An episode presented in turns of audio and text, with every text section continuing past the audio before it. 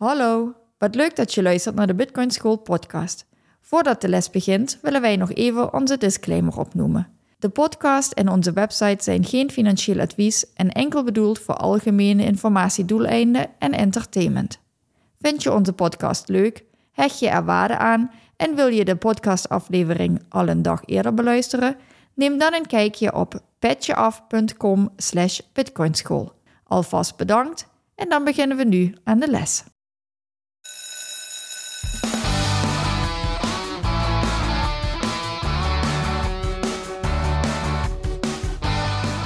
Welkom bij de Bitcoin School podcast. In deze podcast willen we jullie de wereld van Bitcoin dichterbij brengen. Dit doen we door Bitcoin op een eenvoudige manier vanuit de basis uit te leggen. In deze aflevering gaat het over Lightning. Lightning, ja. Ja, leuk. We gaan het eh, weer een beetje verder in de techniek. Maar eh, niet heel erg diep. Maar we gaan iets, eh, iets meer over de techniek vertellen van, van Bitcoin. Maar voordat we dat doen, moeten we natuurlijk wel eerst de bloktijd erbij hebben. En ik zal er eventjes bij pakken. De bloktijd waar we op dit moment op zitten is 808.683. Okidoki. Yes. We gaan het over Lightning hebben. Want in de vorige les hebben we het gehad over nodes. En hebben we het erover gehad dat er een tijd in 2017 was dat er een oorlog in Bitcoin-land was. Een aantal partijen, belangrijke, grote partijen, die vonden dat er grotere blokken, grotere schoenendozen in het netwerk moesten komen. En de nodes, de eigenaren van de nodes, die zeiden van nee, dat doen we niet. En de nodes, dat zijn in principe jij en ik, die op een eigen PC of op een uh, hardwarekastje de Bitcoin software hebben draaien. En die, vonden, die gingen daar niet mee akkoord. En die oorlog, dat was de block size war, die ging eigenlijk erover dat, er, uh, dat het Bitcoin-netwerk eigenlijk uh, een soort van filevorming is. Dus dat er, uh, dat er steeds meer transacties in het netwerk komen en dat de bloks vol zitten. En dat, uh, dat, het dus, um, dat er eigenlijk meer transacties in het netwerk zouden moeten kunnen komen. Moeten kunnen passen. Moeten kunnen passen, ja. Want omdat er steeds meer transacties komen, ja, het loopt het vol. Ja, in, uh, in 2009 is, uh, is Satoshi Nakamoto begonnen. En toen was er nog geen transactie, toen waren er nog geen transacties. En in de loop van de jaren zijn steeds meer mensen het nut van Bitcoin zijn gaan inzien en willen transacties doen van of naar elkaar toe, van of naar een beurs of een exchange. Als je Bitcoin wil kopen of wilt verkopen, dan moet je dat op een beurs of een exchange moet je dat doen. En als je het naar je eigen wallet wil overhalen, dan moet je een transactie in het netwerk doen. Ja, en er zijn inmiddels zoveel gebruikers dat op dit moment bijna elk blok vol zit. Het kan zijn dat het nog wel een uh, tijd duurt. Kan ook zijn dat, het, dat er weer een tijd komt dat dat niet het geval is. En allereerst eventjes, hoe, uh, hoe zorg je ervoor dat jouw transactie dan eigenlijk in het volgende blok of in het blok daarna opgenomen wordt? Dat kan je regelen met de transactiekosten die je meegeeft op het moment dat je een transactie de deur uit doet. Dus je kan zeggen van, ik wil eigenlijk een soort van fooi geven aan de miners. En hoe hoger de fooi is, hoe meer kans je hebt dat jouw transactie meegenomen wordt in het volgende blok. Maar op dit moment zitten er volgens mij iets van 500.000 transacties in de mempool, wat ervoor zorgt dat er nog 500.000 transacties wachten op bevestiging. Dat iemand gezegd heeft van ik wil een transactie doen, maar die nog niet bevestigd is. Dus nog niet ingepakt is in de schoenendoos. En nou ja, daar kan je zeggen dat de mensen die zeiden van oké, we willen grotere bloks, dat die een punt hebben. Dat die zeggen van oké, er moeten meer transacties moeten er komen in het netwerk. Er moeten meerdere transacties mogelijk zijn, want er zijn op dit moment zo gigantisch veel transacties die wachten. Maar er zijn ook andere mogelijkheden voor. En dat nou, is... ik wil er even bij pakken dat er laatst was er dus een foutje geweest. Dat is wel heel grappig om te vertellen. Ja. Heeft iemand dus ehm, heel vaak als je dat op de beurzen of, of zoiets doet, dan ehm, wordt er automatisch en kun je kiezen tussen eh, hoog, normaal of laag. Mhm. Afhankelijk De- de van hoe snel, eh, ja. precies, hoe snel je hem gedaan wil hebben. Ja. En Maar voor er de, zijn voor de geavanceerde gebruikers, die kunnen het precies zelf zelf helemaal Intypen. aangeven. Ja, precies. Nee, en er was dus een foutje ontstaan. Had iemand eh, voor een, een verhouding kleine transactie 19 bitcoin, dat was op dat moment rond de 500.000 dollar, Mhm. aan transactiefees meegegeven. Ja. Ja, dit is natuurlijk gigantisch. Dus het hele Bitcoin-netwerk, zeg maar, had zoiets van: hoe kon dit gebeuren? En is dit een aanval? Is dit gekkigheid? Is dat ge- geld witwassen? Wat, wat is dit? Er gingen allemaal speculaties rond wat dit zou kunnen zijn. Ehm, bleek een eh, menselijke fout. Iemand had. eh, Eventjes voor een half miljoen, eventjes een menselijke fout gemaakt. Ja, Maar wat ik ook- verkeerd eh, getalletje ingetypt. Eh, Het mooie was dat, nou ja, in principe zou je kunnen zeggen, hè, pech gehad, je kunt geen bank bellen, het is gewoon, ja, weg is weg, uitgegeven is uitgegeven. Nou, even, even zo, even een klein, klein stapje terug. Wat gebeurt er? De miner die het blok mined, die kan in principe zien, oké, van hey, deze transactie die heeft zo gigantisch veel transactiefee met zich mee. Die neem ik absoluut mee in mijn volgende blok op het moment dat ik een blok mag. Hè. Stel dat ik de eerste ben die een valide hash kan genereren. Dat hebben we ook allemaal in hashing hebben we dat uitgelegd. Dan neem ik die mee, want daar zit zo'n gigantische reward achter. Ja, eh, hoef ik niet eens over na te denken. Dat zorgt ervoor dat ik meer dan 19 bitcoin mezelf kan toe-eigenen. En nou, volgens mij heeft F2-pool, F2-pool heeft, eh, heeft dat blok gemined. En dan zie je ook dat er weer een menselijk principe achter zit. En FT, F2-pool heeft gezegd, wij ehm, realiseren ons en weten dat dit een menselijke fout is geweest. Dus die hebben de transactiekosten hebben ze teruggestuurd. Ja, ze hadden iets bekendgemaakt, hè, een ehm, bericht eh, de deur uitgedaan van dat de eigenaar van deze transactie twee dagen de tijd heeft om eh, zich te melden en dan zijn transactiefees terug kan krijgen. Ja. Hadden ze niet hoeven doen. Nee, precies. En dat is het grappige. Als je dan weer aangesloten bent bij een pool, zijn er mensen die meeminen op die pool en die zeggen van, hé, hey, ik vind eigenlijk dat mijn pool dat helemaal niet terug moet sturen. Dus dan heb je, heb je daar weer een tussen haakjes conflict. Maar eh, wel apart dat dat, ehm, dat, ja, dat, dat dat dus ge- gebeurd is. En ik vind het wel heel mooi dat er een menselijk principe achter zit.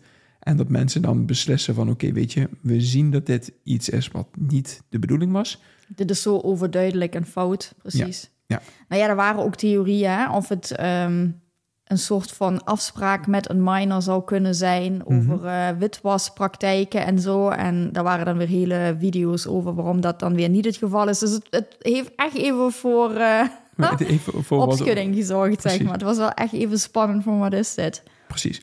Maar ja, goed, heel mooi. Dus inderdaad, je, ehm, ik kan dan meegeven hoeveel ja, transactiefee, hoe belangrijk is jouw transactie. Dus hoeveel fee geef je mee om Ja. die zo snel mogelijk op te laten nemen. En ik zei net de, eh, de file, maar het is veel makkelijker om te zeggen van oké, een transactie is iemand die op een station, treinstation aankomt. En als jij zegt van ik wil veel fooi geven aan de conducteur, dan kan je met de volgende trein kan je mee. En als je minder fooi geeft, dan moet je nog wachten op een 500.000 man die voor je staan. Ja, een soort van perron wat vol staat. Precies. Maar terug naar Lightning. Want waar, daar, daar ging deze podcast over. Wat, wat, ehm, wat willen we daarover benoemen? Nou ja, even terug inderdaad wat je zegt. Eh, het probleem wat er ontstond, en, en, en waardoor ook die block size war ontstond, was dat er steeds meer transacties kwamen, dat het steeds meer toegepast wordt, dat dat natuurlijk ook de bedoeling is, dat er Mhm. steeds meer gebruikers bij komen en dat het steeds meer toegankelijk wordt en dat je straks wel de boodschappen daar ook mee kan betalen. Mhm. Gaat dat lukken op het moment dat je dan steeds meer transacties krijgt in de mempool en die dan eh, steeds meer blokken nodig heeft voordat je transactie verwerkt wordt. Dus ga je een koffie betalen en vervolgens twee weken op je betaling wachten. Even heel overdreven gezegd, maar je wil op het moment dat je hem echt wil kunnen gebruiken en, en in het dagelijks leven wil kunnen toepassen, ja, dan moet dat gewoon snel kunnen. Dan moet je niet, niet 10 minuten, 20 minuten, ik weet niet hoe lang op een transactie moeten wachten. Nee, of koffie koud voordat je hem... eh, betaald hebt. Ja, Ja, precies. precies. Of je betaalt straks meer eh, fee, zodat die meegenomen wordt, die transactie, dan dat je koffie waard is. Dus eh, daar is wel een terecht probleem ontstaan natuurlijk. En de ene oplossing was, nou ja, dan moeten we de blokken groter maken. mhm. Nee, ik, ik kan zeggen, ehm, als hier geen oplossing voor komt, dan gaat Bitcoin ten onder aan zijn eigen succes. Dan, dan, dan, dan heeft hij een probleem omdat het zo succesvol is.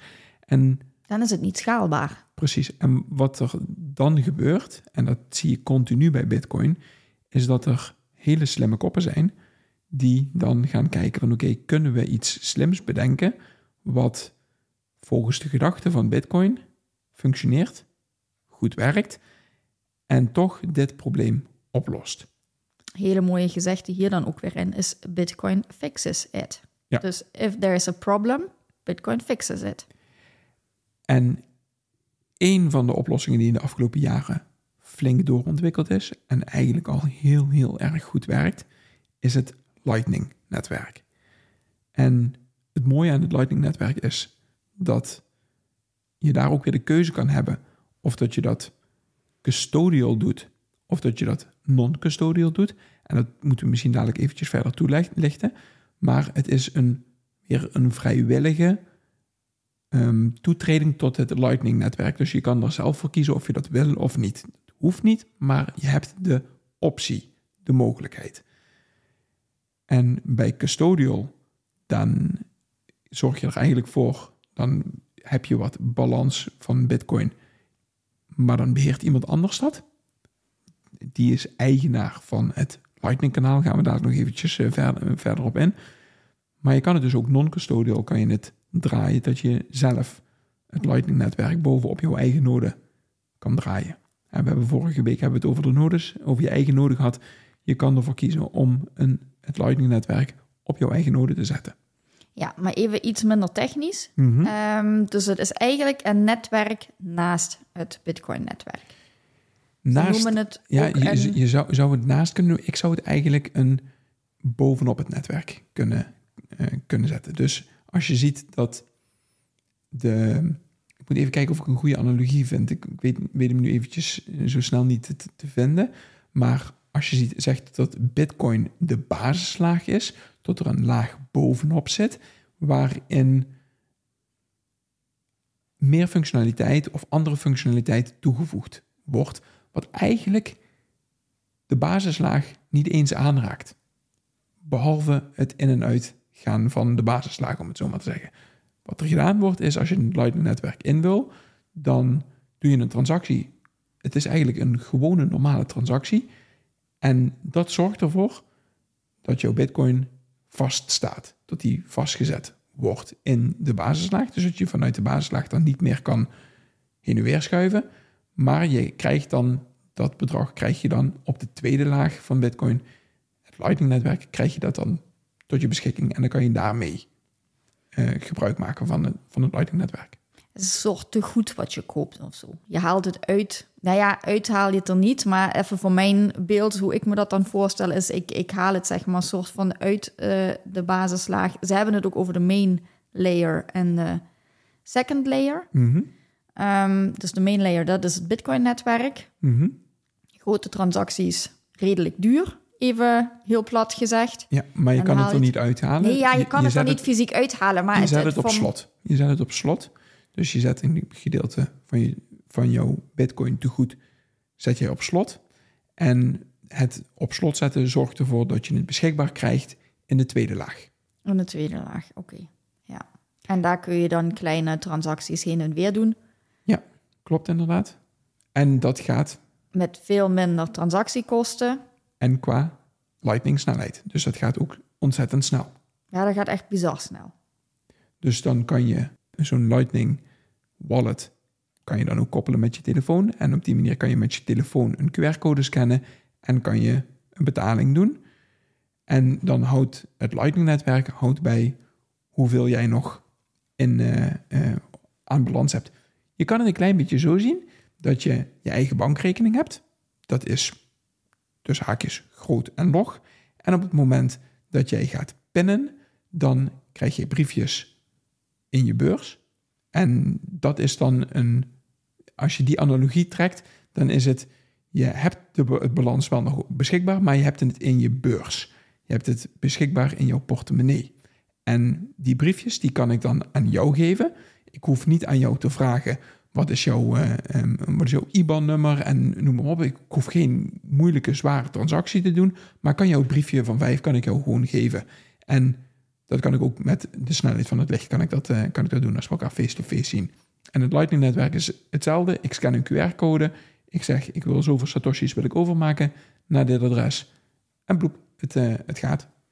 Ja, ik heb een keer een analogie gehoord, die vond ik wel goed. Het is een soort van bierviltje.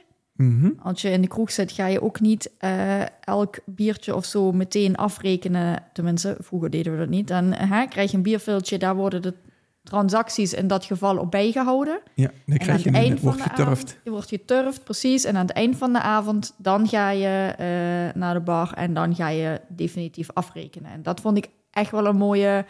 Uh, om het Lightning ook een beetje uit te leggen. Dus je hè, hebt een soort van bierviltje, je kan allemaal transacties doen en pas uh, op een later tijdstip, als je meerdere transacties hebt gedaan, een soort van verzameling, dan ga je op de main layer afrekenen.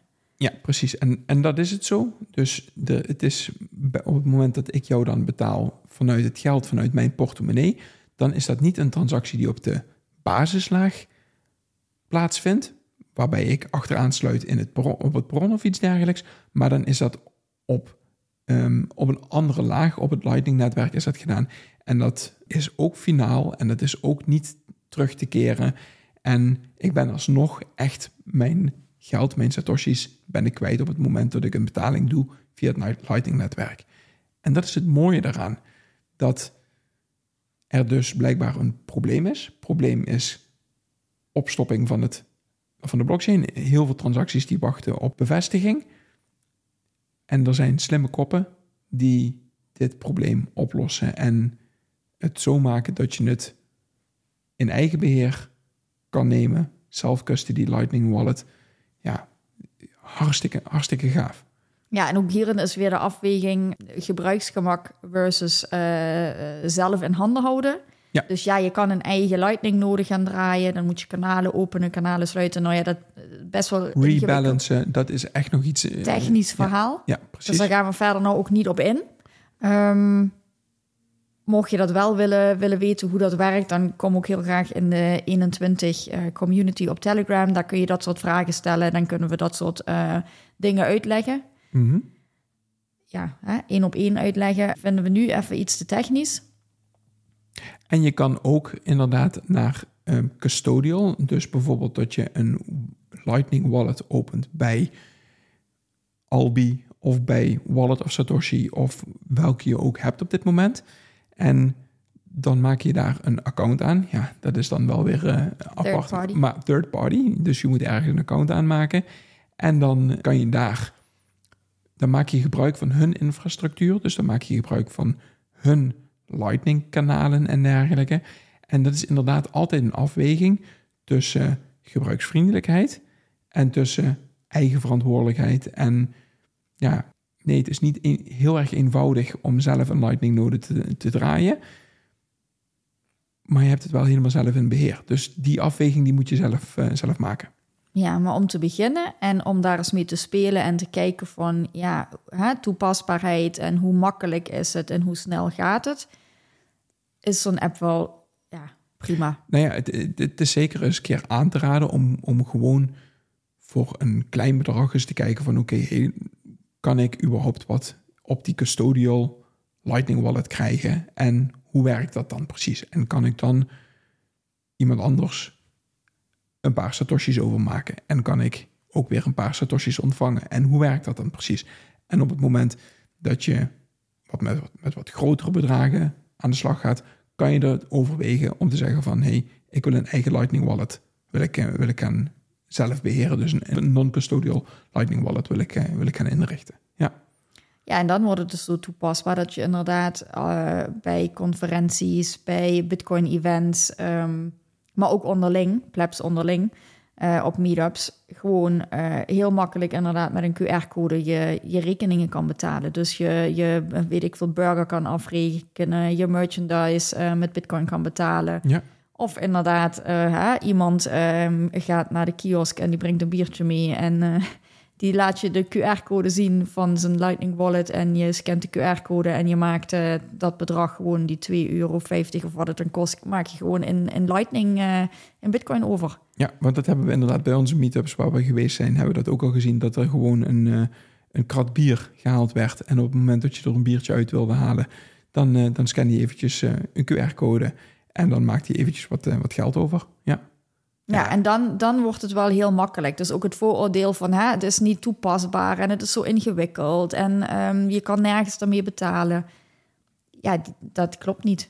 Nee, dat precies. is dan uh, heel makkelijk te... Te omzeilen. Uh, het, het, het is nu eigenlijk al heel erg praktisch toepasbaar. En ja, ook op dit moment, hoe ik het zie, is het Custodial is het, is het al super eenvoudig. Dus via, via een wallet of Satoshi of iets dergelijks, via een derde partij, is het echt al ontzettend makkelijk. Maar daar ga je natuurlijk ook niet met grote bedragen ga je ervoor zorgen dat je dat. Je, je draagt ook geen 1000 euro mee in je portemonnee. Ik ken de minste mensen die dat doen, die 1000 euro in hun portemonnee meenemen. En ik nee, denk... Dan, dan, gaat het echt om de dagelijkse dingen. Precies. Een koffietje, een uh, fooi voor iets leuks. Als je iets ziet, uh, hè, dat uh, een vuurshow wil je dan nog iets doneren. Nou, dan scan je QR-code, maak je wat sats over. Dat soort dingen. Dat is echt verbazingwekkend hoe mega snel dat gaat. Met een knipoog zeg ik nu tegen jou een podcast die je beluistert. Als je daar waarde uit haalt en dat leuk vindt, nou, dan, dan kan je ook naar ons wat doneren. Lightning uh, Wallet uh, staat op, uh, op onze internetsite, op onze website. Kunnen we misschien ook eventjes verlinken in de show notes. Bijvoorbeeld. Dus, dus donaties die je wil doen, koffietjes die je wil betalen, dat doe je dus op de second layer in het Lightning-netwerk. Ja, en dat vond ik wel heel fascinerend, dat um, zonder de code van Bitcoin te wijzigen, mm -hmm. er van alles omheen gebouwd kan worden. Ja. Om het gewoon om dat soort problemen op te lossen, om het toepasbaarder te maken, toegankelijker te maken. En dat was in een van de eerste afleveringen nog dat ik dacht, hè, maar hoe dan? Hoe dan een levend organisme als het toch niet gewijzigd wordt en als je toch eigenlijk aan die oorspronkelijke vorm vast wil houden, hoe kan Mhm. het dan levend zijn? Ja. Maar door al die verschillende layers eromheen, second layer ehm, toepassingen, die dus daaromheen geprogrammeerd worden, wordt het dus inderdaad een levend organisme. Ja, precies.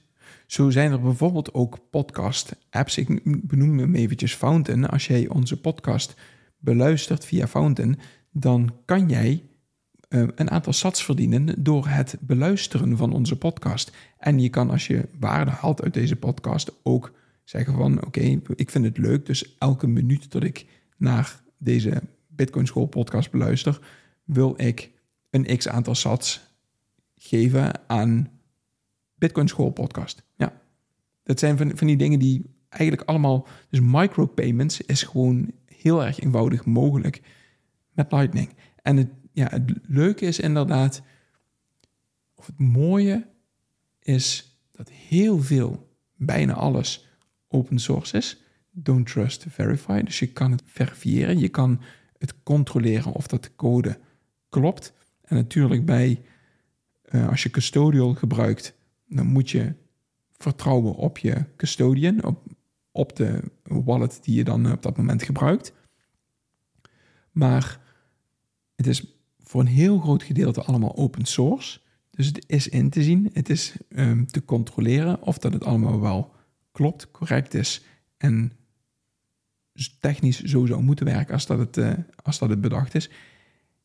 En er, worden, er wordt steeds, elke dag wordt er nog aan doorontwikkeld om dit groter te maken, om dit, om dit bekender te maken, om dit, ja, er wordt zo gigantisch veel ontwikkeld op het Bitcoin-netwerk, of niet per se het Bitcoin-netwerk zelf, maar allemaal services eromheen. Ja, dat het gewoon echt uh, heel gaaf is om daarnaar te kijken. Ja, omdat het nog zo jong is natuurlijk, kom je nu ook pas gaandeweg problemen en aanhalingstekens eh, tegen. Mhm. Zoals de blokgrootte of andere dingen. En dan wordt op dat moment een oplossing gezocht. Ja, precies. Ja. En niet alleen gezocht, maar ook, Ook gewoon heel, gevonden. heel vaak gevonden, inderdaad. Ja. ja. Dus nou, dat is hetgeen wat we jullie in ieder geval, we wilden jullie met deze podcast introduceren in het Lightning-netwerk. Dat jullie, want dat hadden we nog niet benoemd in deze podcast. En ons doel was dat jullie daar in ieder geval ook iets over te weten komen. Dat als je met mensen eh, in overleg gaat over Bitcoin, of je hebt het met mensen over Bitcoin, en zij zeggen: Ja, maar het is wel heel traag en het is wel eh, heel erg. eh, weet je, er wordt een oplossing voor gevonden voor, voor eigenlijk elk, elke uitdaging die Bitcoin heeft, komt er uiteindelijk wel een oplossing. Want er zijn zoveel, ik wil het bijna belangen noemen om Bitcoin te laten slagen, dat er altijd wel een hele goede oplossing gaat komen. Ja, Dus. Dus het eh, argument, het is traag en het is duur, eh, de transacties, eh, is hierbij ontkracht. En dat hoeft niet, inderdaad, klopt. Ja, dan houden we het even hierbij. Yes, is goed. Nou, dan, dan wil ik jullie bedanken voor het beluisteren van deze podcast. En tot de volgende keer. Tot de volgende keer. Doei doei.